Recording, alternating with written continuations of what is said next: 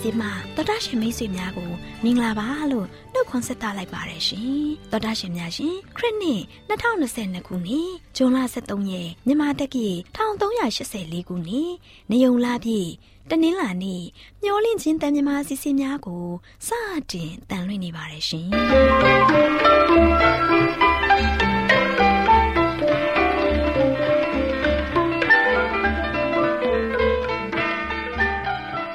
တော်တာရှင်များခင်ဗျာမျောလင့်ချင်းအတန်မြန်မာအစီအစဉ်ကိုနက်နက်6နာရီမိနစ်30မှ9နာရီအထိ16မီတာ kHz တစ်ခွန်ခွန်23ညညပိုင်း9နာရီမှ9နာရီမိနစ်30အထိ25မီတာ kHz 11943ညမှအတန်လွှင့်ပေးနေပါတယ်ခင်ဗျာ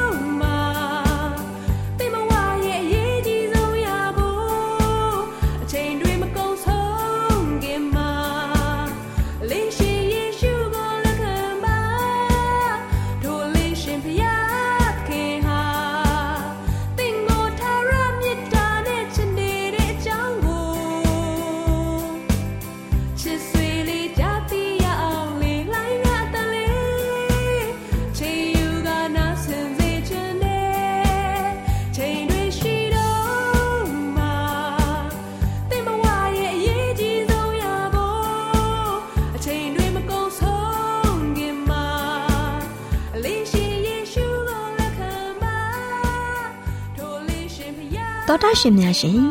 နေ့စဉ်အသက်တာခရစ်တော်၌တာအစီအစဉ်ကိုတိတ်ခါရောရဆရာဥရှိုင်းသာတွေးထံမှာမှတ်သားနိုင်ယူကြပါစို့လားရှင်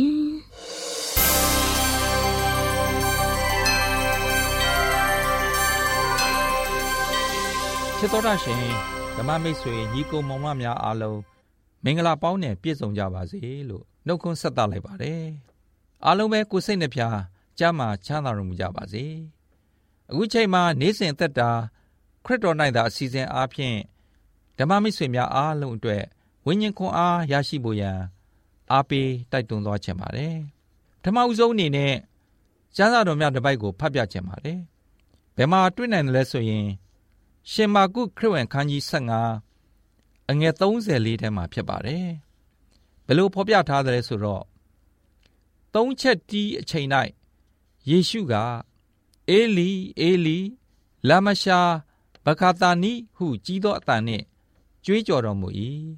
အနက်ကအကျွန်ုပ်ဖျားအကျွန်ုပ်ဖျားအဘယ်ကြောင့်ကျွန်ုပ်ကိုဆွန့်ပစ်တော်မူသနည်းဟု ဆိုလိုသည်ဆိုပြီးတော့ဖော်ပြထားပါတယ်ချစ်တော်ရရှင်ပေါင်းတို့ခင်ဗျာခုနကတော့ဖတ်သွားခဲ့တဲ့ကျမ်းချက်ထဲမှာပါတဲ့စကားလုံးတွေဟာခရစ်တော်ရှင်သခင်လက်ဝါးကားတိုင်းမှာတက်တော်မစွန့်ခင် ပြောသွားခဲ့တဲ့စကားပဲဖြစ်ပါတယ်။ ဒါဟာအင်မတန်မှပြင်းထန်လာတဲ့ဝေဒနာကနေထွက်ပေါ်လာတဲ့နှလုံးကြေကွဲစရာငိုကြွေးတာပဲဖြစ်ပါတယ်။ဘာကြောင့်လဲဆိုတော့ခရစ်တော်ဟာဒုတိယသေခြင်းဖြစ်တဲ့ခမည်းတော်ဖျားနဲ့အဆက်ပြကွေကွင်းချင်းဘုဟုတုတကိုခံစားနေရပါတယ်။မထိုက်မလျောက်ပေမဲ့လည်းအကောင်းဆုံးဥပမာတစ်ခုအနေနဲ့ပေးနိုင်တာကတော့တယောက်ကိုတယောက်နှလုံးသားနှစ်အောင်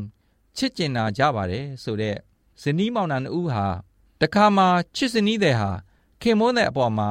ချစ်မြတ်တာအရာမှာတစ္ဆာဖောက်လို့ဇနီးတဲ့ကိုနှစ်နှစ်ကာကာချစ်ခဲ့ရတဲ့ခင်မွန်းတဲ့ခင်များလုံလောက်တဲ့အထောက်အထားတွေကိုမျက်မြင်ကိုယ်တွေတွေ့ခဲ့ရတာမို့ဇနီးတဲ့အပေါ်တန်တရားဝင်လာပြီးတဲ့နောက်နောက်ဆုံးသူ့ရဲ့ဘဝဟာ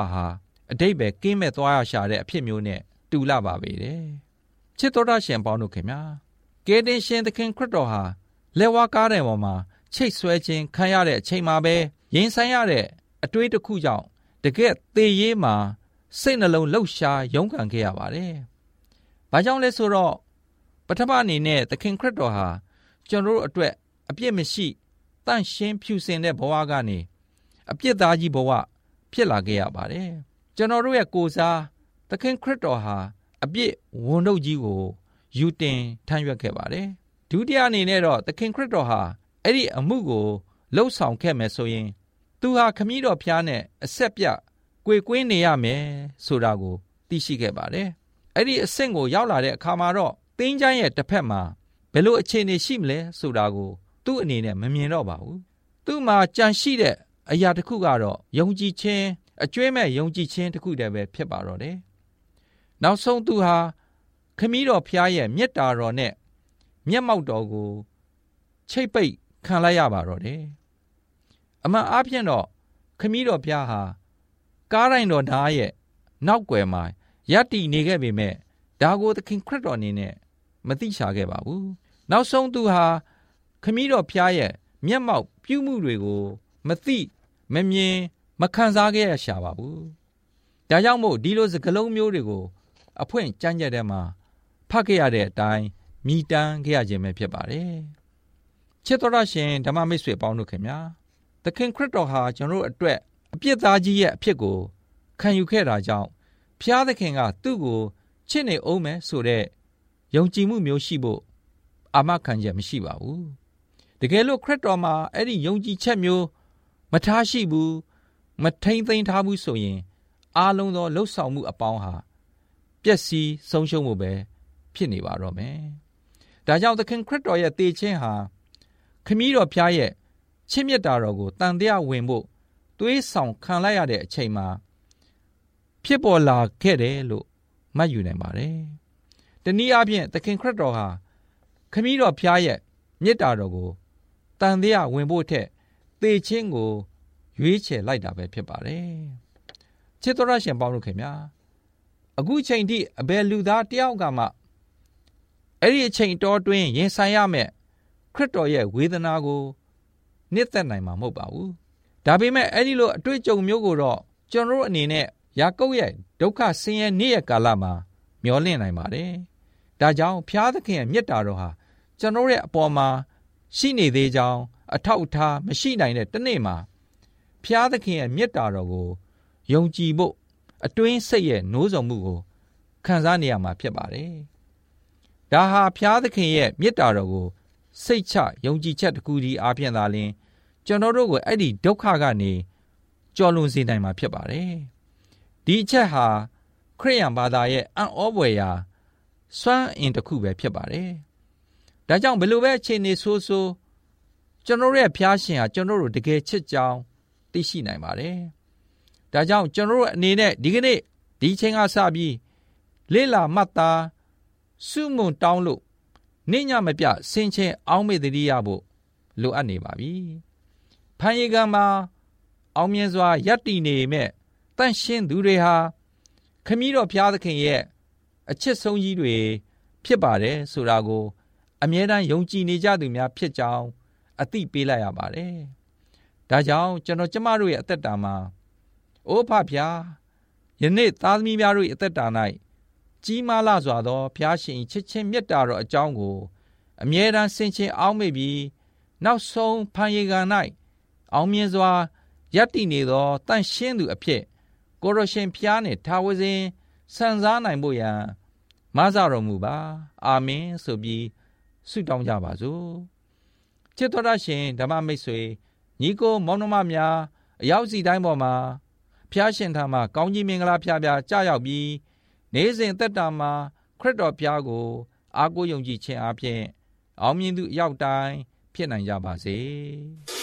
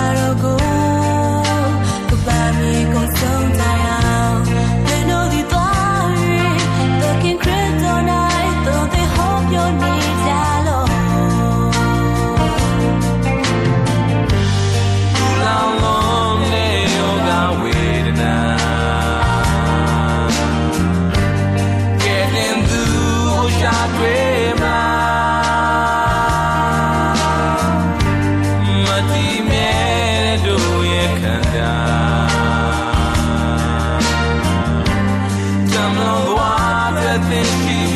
း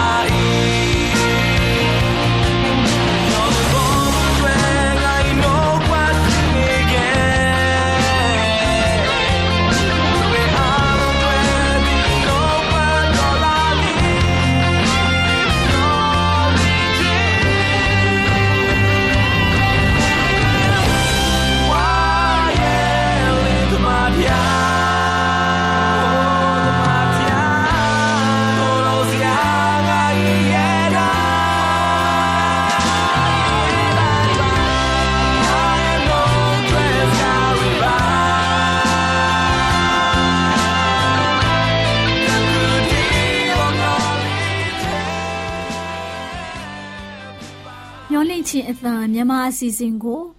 နာတော်တာဆင်နေကြတဲ့တောတာရှင်များမင်္ဂလာပါရှင်တောတာရှင်များရှင်လူတဦးတယောက်ရဲ့အတွေ့အကြုံအဖြစ်အပျက်တွေဟာလူတိုင်းရဲ့အသက်တာမှာရှိကြပါတယ်တယောက်နဲ့တယောက်မတူဘဲရှိပါတယ်ဒါပေမဲ့သူတို့ရဲ့သက်သေခံချက်အဖြစ်အပျက်တွေကို နားတော်တိုက်ဆင်ရခြင်းအပြင်ခွန်အားရရှိပြီးဝိညာဉ်ခွန်အားတိုးပွားစေပါတယ်။ဒီကနေ့မှာရေးဆိုတဲ့လူငယ်လေးတယောက်အကြောင်းကို နားတော်တာဆင်ရမှာဖြစ်ပါတယ်။တော်တာရှင်များရှင်ရေးဆိုတဲ့လူငယ်လေးဟာဖိလစ်ပိုင်နိုင်ငံပလဝါကျွန်းမှာနေထိုင်ပါတယ်။ရေးဟာအထက်တန်းကျောင်းအဆင့်မှာပဲကျောင်းထွက်ခဲ့တယ်။သူဟာလူငယ်ဆိုးသွမ်းတဲ့ဂိုင်းထဲမှာဝင်ခဲ့တယ်။သူ့မိတ်ဆွေတွေနဲ့သူ့အကိုဝန်းပွဲတွေနဲ့တခါတလေသူတို့အိမ်မှာသွားနေကြတယ်။ရေတို့လူငယ်တွေဟာဆေးလိပ်တွေတောက်တယ်။အရက်တွေတောက်တယ်။တခါတလေလမ်းမှာဖြတ်မောင်းလာတဲ့ကားကို ခဲနဲ့ပေါက်ပစ်ပေါက်တတ်ကြတယ်။မိဘတွေကတော့ရေတို့ကိုစိုးရိမ်ကြတယ်။ရေတို့ကဘာမှမပူကြပါဘူး။ရေဟာကြုံရအလုတ်ကြပံအလုတ်လဲလုပ်ပါတယ်။တနေ့တော့ရေဟာအလုတ်ကနေပြန်လာတဲ့အခါဧကမ်းမှာထိုင်နေတဲ့လူငယ်နှစ်ဦးကိုတွေ့ရတယ်။သူ့အဖွားကအဲ့ဒီလူငယ်နှစ်ဦးဟာတရားဟောစည်းဝေးအတွက်ပြင်ဆင်နေတဲ့သူတွေ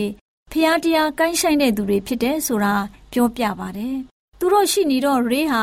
ဆေးလိပ်အရက်မတောက်ရဲဘူး။သူတို့ကိုအိမ်ကနေအမြန်ထွက်သွားစေလိုပါတယ်။သူတို့ဟာခရစ်တော်အကြောင်းပြောပြီးတခြင်းတွေဆိုနေကြတယ်။ရေဟာသူတို့သူတို့နားမှာကြာကြာမနေပဲသူ့အခန်းထဲကိုတန်းဝင်သွားတယ်။အဲ့ဒီလူငယ်နှစ်ဦးဟာ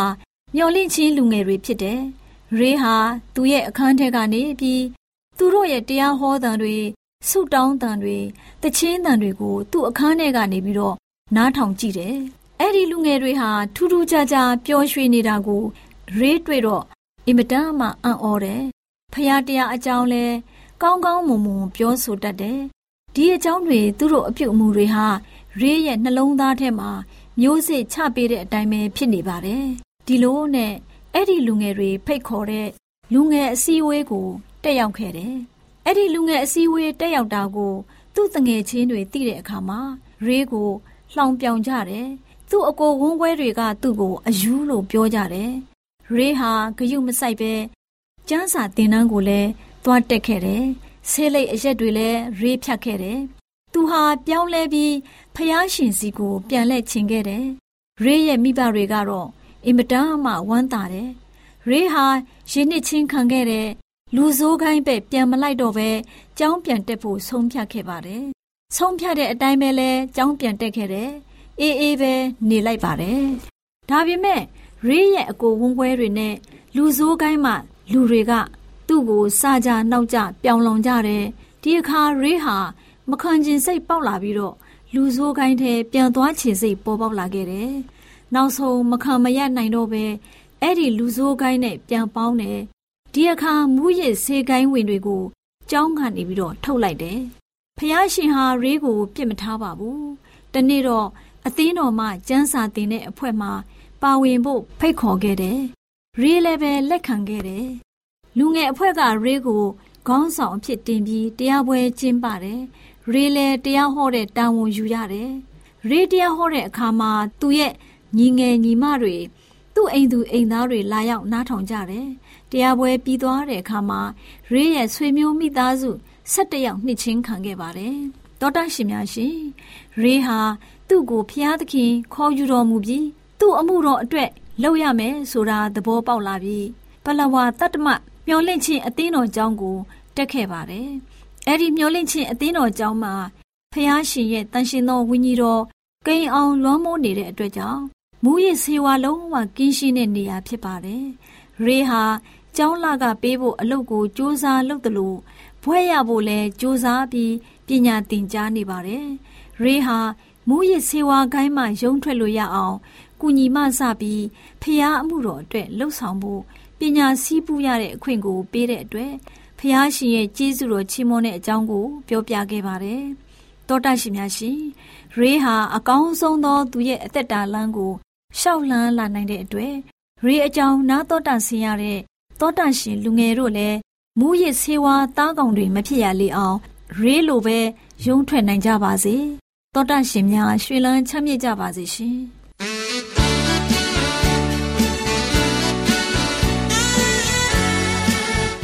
မျော်လင့်ခြင်းအတန်လူငယ်မောင်မယ်လေးများတို့ကဘာကြောကြားပုဂ္ဂိုလ်များအစည်းအဝေးမှာလေးစားတူးယူပွဲကဘာစာစုကြီးများနဲ့အခြားပုဂ္ဂိုလ်ကျော်ကြီးများအကြောင်းကို တင်ပြပေးသွားမှာဖြစ်ပါတယ်။ယနေ့လူငယ်မောင်မယ်လေးတို့အတွက် အတူယူပြီးဘဝခွန်အားဖြစ်စေမဲ့ပုံကိုကြီးကတော့တိုလမီရဲ့အကြောင်းပဲဖြစ်ပါတယ်ကွယ်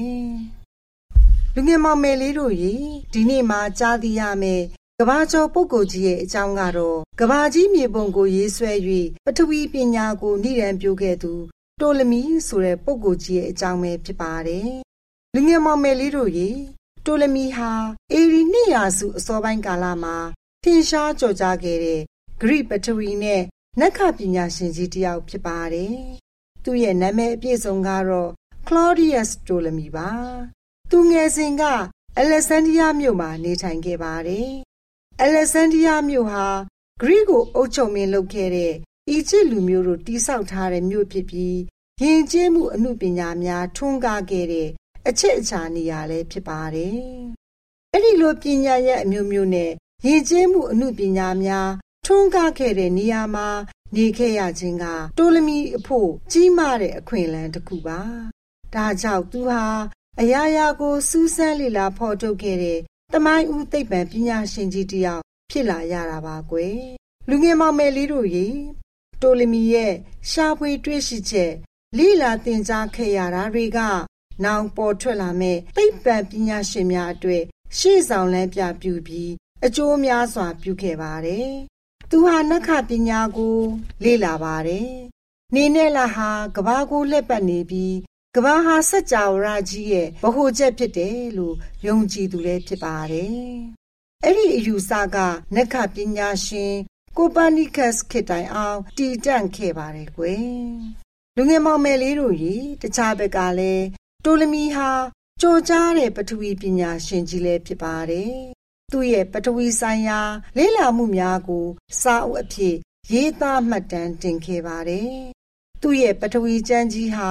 ရှစ်အုပ်တွဲဖြစ်ပြီး မြေပုံများနဲ့ပြည့်ပြည့်စုံစုံရေးသားထားပါတယ်။ရှေးကရှိခဲ့တဲ့ကဘာကြီးရဲ့လောင်ကြီးကျွတ်နဲ့လက်တီကျွတ်တို့ရဲ့မြင်းချောင်းများရဲ့အနေအထားကိုကြည့်ရင်ကဘာကြီးရဲ့မြေပုံကို သိရှိနိုင်တယ်ဆိုတဲ့အယူဆကိုအခြေခံပြီးရေးသားပြုစုထားခြင်းဖြစ်ပါတယ်။ အဲ့ဒီစာအုပ်ဟာယနေ့တိုင်းကြော်ကြားနေစေပါကွယ်။လူငယ်မောင်မယ်လေးတို့ရေဒါပေမဲ့လည်းအဲ့ဒီစာအုပ်ကအလန်းဝေးလာတဲ့ကမ္ဘာဒေတာအသီးသီးမှရှိနေတဲ့သတင်းအချက်အလက်တွေကိုသိရှိရနိုင်ဖို့ကမလွယ်ကူလာတဲ့အတွက်ကြောင့်အသေးစိတ်အချက်လက်တွေမပါတာတွေ့ရပါတယ်။အာရှတိုက်နဲ့ဥရောပတိုက်ကြီးနှစ်ခုကြားမှာရှိတဲ့ပထဝီအနေအထားကိုသာဖော်ပြနိုင်ပါတယ်။ အမေရိကတိုက်ကြီးတစ်ခုလုံးကိုခြံထားခဲ့ပါတယ်။ဒီလိုမပြည့်စုံကြံ့ရည်နေတဲ့အချက်တွေက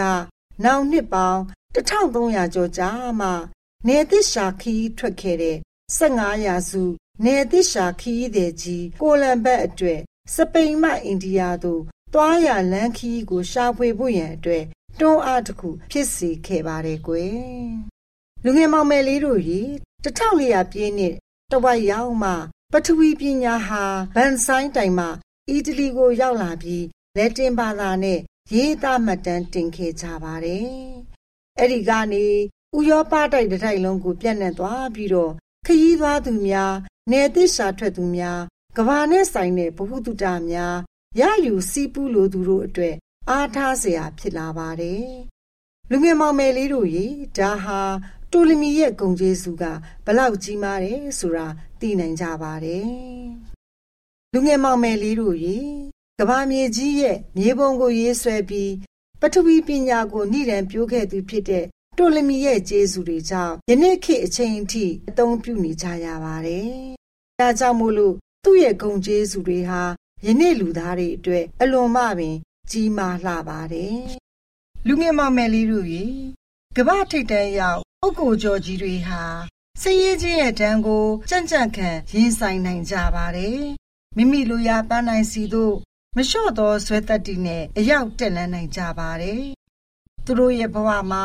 စိတ်တက်ကြတာအလျှော့ပေးတာတွေလည်းမရှိပါဘူး။ဘလို့အခွင့်အရေးကိုမှရယူလိုခြင်းမှုမရှိသလိုမက်မောမှုလည်းမရှိကြပါဘူးကွယ်။မိမိတို့ကြောင့် လူတကာအကျိုးရှိရမယ်လူလောကကြီးတာယာလှပလာမယ်ဆိုရင်အတိုင်းမသိဝမ်းမြောက်ဂုဏ်ယူတတ်ကြပါတယ်။အဲဒါကြောင့်လဲမိမိတို့ရဲ့ဘဝအောင်မြင်ရေးတက်လန်းကိုရှာဖွေနေကြတဲ့လူငယ်မောင်မယ်လေးတို့အနေဖြင့်လဲမိမိလူမျိုးမိမိနိုင်ငံအကျိုးကို အောင်မြင်စွာတည်ဖို့ရွတ်ဆောင်နိုင်ဖို့ရန်အတွက်ဖော်ပြခဲ့တဲ့ပုံကိုယ်ကြီးတွေကိုအတူယူပြီးတော့လိုရပန်းနိုင်ကို အောင်မြင်စွာစကူးနိုင်ကြပါစေကွယ်။ မျော်လင့်ခြင်းအတန်တော်တာရှင်များရှင်ကဘာကျော်ကြားပုံကိုများအစီအစဉ်မှာ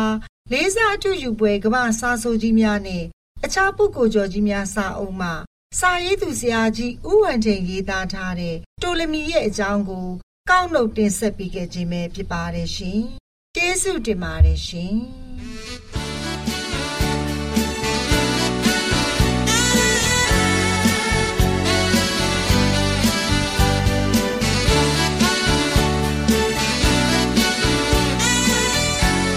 ရှင်များရှင်ကျမတို့ရဲ့ဗျာဒိတ်တော်စာပေးစာယူသင်တန်းဌာနမှာ အောက်ပါသင်တန်းများကိုပို့ချပေးလျက်ရှိပါတယ်ရှင်။သင်တန်းများမှာစိတ်ဓာတ်ဒုက္ခရှာဖွေခြင်းခရစ်တော်၏အသက်တာနှင့်တုန်တင်ချက်များတဘာဝတရားဤဆရာဝန်ရှိပါကျမ်းမာခြင်းနှင့်အသက်ရှည်ခြင်းသင်နှင့်တင့်ကြမာရေးရှာဖွေတွေ့ရှိခြင်းလမ်းညွန်သင်ခန်းစာများဖြစ်ပါရဲ့ရှင်။သင်တန်းအလုံးဟာ အခမဲ့သင်တန်းတွေဖြစ်ပါတယ်။ဖြစ်ဆိုပြီးတဲ့သူတိုင်းကို ဂုံပြုလွှာချီးမြှင့်ပေးမှာဖြစ်ပါတယ်ရှင်။တော်တာရှင်များခင်ဗျာဓာတိတော်အတန်းစာပေးစာယူဌာနကိုဆက်သွယ်ခြင်းနဲ့ဆိုရင်တော့ဆက်သွယ်ရမယ့်ဖုန်းနံပါတ်ကတော့39 656 296 336နဲ့39 98 316 694ကိုဆက်သွယ်နိုင်ပါတယ်ဓာတိတော်အတန်းစာပေးစာယူဌာနကိုအီးမေးလ်နဲ့ဆက်သွယ်ခြင်းနဲ့ဆိုရင်တော့ l a l r a w n g b a w l a @gmail.com ကိုဆက်သွင်းနိုင်ပါတယ်။ဗျာဒိတ်တော်အတန်းစာပေးစာဥထာဏာကို Facebook နဲ့ဆက်သွယ်ခြင်းနဲ့ဆိုရင်တော့ SOESANDAR Facebook အကောင့်မှာဆက်သွင်းနိုင်ပါတယ်။ AWR မျော်လင့်ခြင်းအတန်ကိုအားပေးနေတယ်တော်တာရှင်များရှင် မျော်လင့်ခြင်းအတန်မှာအကြောင်းအရာတွေကိုပုံမသိရှိပြီးဖုန်းနဲ့ဆက်သွယ်လိုပါက39 2939 3926ခွန်45နောက်ထပ်ဖုန်းတစ်လုံးအနေနဲ့39 688 464 48ခွန်ကိုဆက်သွယ်နိုင်ပါတယ်ရှင် AWR မျော်လင့်ခြင်းအတန်ကို Facebook နဲ့ဆက်သွယ်ခြင်းနဲ့ဆိုရင်တော့ AWR ရန်ကုန် Facebook Page မှာဆက်သွယ်နိုင်ပါတယ်ခင်ဗျာ။အင်တာနက်ကနေမျော်လင့်ခြင်းအတန်ရေဒီယိုအစီအစဉ်တွေကိုနားထောင်ခြင်းနဲ့ဆိုရင်တော့ website လိပ်စာကတော့ www.awr.org ဖြစ်ပါတယ်ခင်ဗျာ။တောတာရှင်များရှင် KSTA အာကခွန်ကျွန်းမှာ AWR မျိုးလင့်ချင်းအတံမြန်မာအစီအစဉ်များကိုအတံလွှင့်ခဲ့ခြင်းဖြစ်ပါတယ်ရှင် AWR မျော်လင့်ခြင်းအတန်ကိုနာတော်တာဆင် gay ကြတော့တောတာရှင်အရောက်တိုင်းပေါ်မှာ